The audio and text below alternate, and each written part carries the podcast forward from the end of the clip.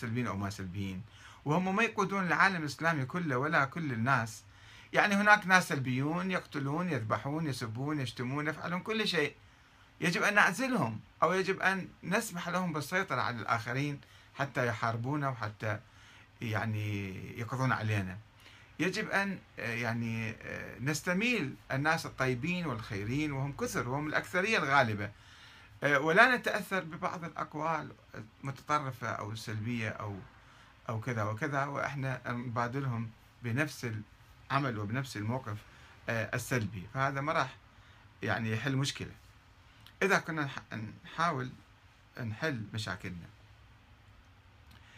آه، الأخ آه، سعد غالب هذه قلت له ليست محاولة لتغيير الثوابت ولكن محاولة لكسر الحواجز الطائفية. والنفسية والثقافة الصفوية المتطرفة. وقد اعترف الإمام أمير المؤمنين عليه السلام بخلافة الثلاثة وبايعهم وتعاون معهم وزوج ابنته من عمر بن الخطاب.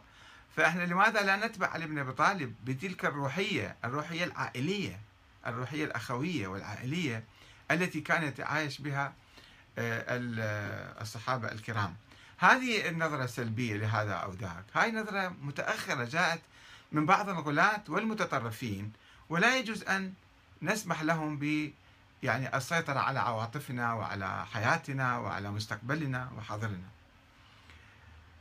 أه ما هي المشكلة لو سمينا شارعا باسم أبي بكر وعمر هل ستنقلب الدنيا؟ أم سنفتح سننفتح على الآخرين ونكسب قلوب إخواننا من أهل السنة؟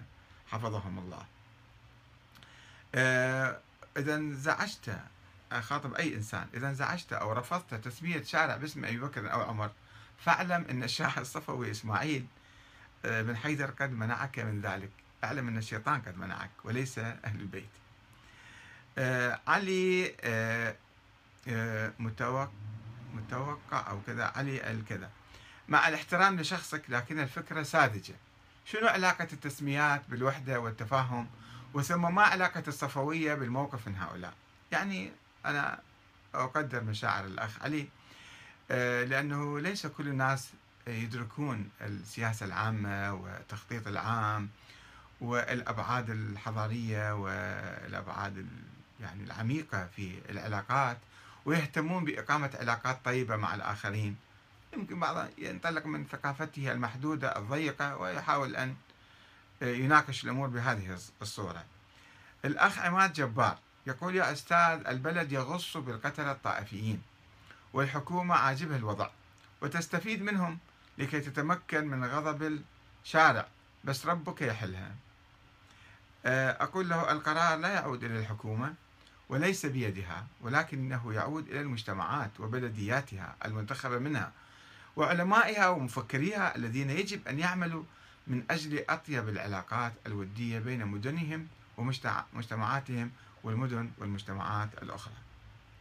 الأخ والثاب خالد آل جعفر يقول التفاتة رائعة ومبادرة أروع وخطوة رغم بساطتها تغني عن ألف ألف مؤتمر للتقريب يستهلك ملايين الدولارات ثم بالنتيجة هو يفشل. قصي الجعشمي يقول عندما يسمحون للشيعة ببناء قبور عظمائهم في مملكة الظلام وعندما يكون هناك شارع باسم عبد الزهرة في الرمادي والمختار في الحويجة وقتها نسمي الشوارع بأسماء هؤلاء أه سأجيب الأخ أه قصي أه أقول نحن طبعا نحتاج إلى أه ثورة ثقافية إسلامية وحدوية وإلى الاهتداء بهدي أهل البيت الذين كانوا يحترمون الخلفاء الثلاثة ويجلونهم ويترضون عليهم قبل أن تغزونا الثقافة الصفوية. وأقول له أيضا عزيزي قصي لا يجب أن نتحكم في قراراتنا ما يفعله آل سعود أو الدواعش وإنما يجب أن نأخذ زمام المبادرة بأنفسنا. ثم أن الأمر لا يتوقف على تسمية عبد الزهرة أو المختار في الرمادي أو الحويجة وإنما الاتفاق على الأسماء الرئيسية العليا الرمزية في كل طائفة كاسم الإمام علي أو أهل البيت الحسن والحسين جعفر الصادق. ولا أعتقد أن أخواننا السنة يرفضون إطلاق أسماء أهل البيت على شوارعهم ومدنهم بل هم يعظموهم أيضا. وأصلا الفارق بين الشيعة والسنة جدا ضعيف بالعراق وهناك تداخل في المشاعر والعواطف والأفكار والثقافات. فنحن شعب واحد وأمة واحدة ولكن تفرقون الأسماء. فيجب أن نقترب بعضنا من بعض. ثامر جودة زاكي يقول في زمن صدام كانت هناك شوارع ومدارس في الجنوب بأسماء رموز أهل السنة.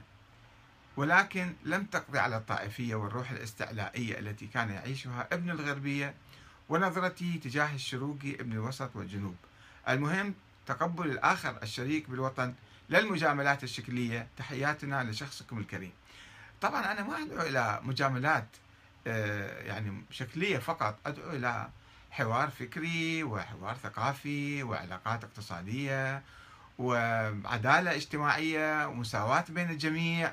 هناك مشاريع كثيرة لتوحيد الناس والتقريب بينهم ولكن أنا أتحدث الآن عن آه، موضوع رمزي فقط وله آه، أثر نفسي كبير في نفوس الناس عندما نتخذ آه، هذه الخطوة.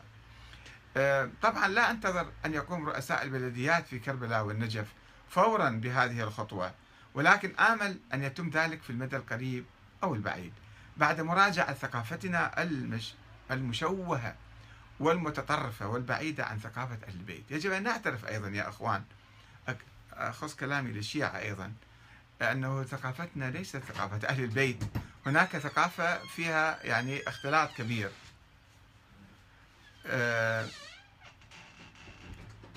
ويعني تأثر بثقافات آه، سلبية عديدة.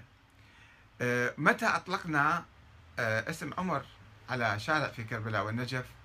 فاعلموا أن الفتنة قد ولت الأدبار. هذا قلنا سابقا. عزيزي ثامر الآن أخاطب الأخ ثامر اللي قال هناك شوارع في الجنوب. آه هذه ليست مجاملات شكلية وإنما خطوات رمزية والرمزية لها دور كبير في الحياة الحياة السياسية. وإنما خطوات رمزية تعبر عن الانفتاح والوحدة والمحبة. ولا بد أن نتخذ القرار بأنفسنا بدلا أن من أن يفرض علينا من صدام أو غير صدام. فإنه لا معنى له كما لا معنى لأن تفرض الحكومة الشيعية مثلا أسماء البيت على مدن سنية. وإنما تظهر النتيجة عندما يعبر أهل بلدة معينة بأنفسهم عن ثقافتهم وقراراتهم. فإذا آه، يعني آه، يجب أن نبادر بأنفسنا ولا ننتظر الآخرين. الدكتور محسن الجنابي يقول إذا الفكرة ساذجة يا سيد علي يحاور أحد الأخوان فلترفع كل التسميات التي تدل على رموز دينية. علما أن التسميات التي تطلق على رموز هي أساسا تفرح السنة لأنه في نفس الوقت هم رموزهم والمسألة المشكلة مو بالتسميات وإنما تتعلق بثقافة السب والشتم واللعن. وأنا شخصيا أدين هذه الثقافة آه التي لم يعرف لها جذور في حياة أئمة أهل البيت آه إننا في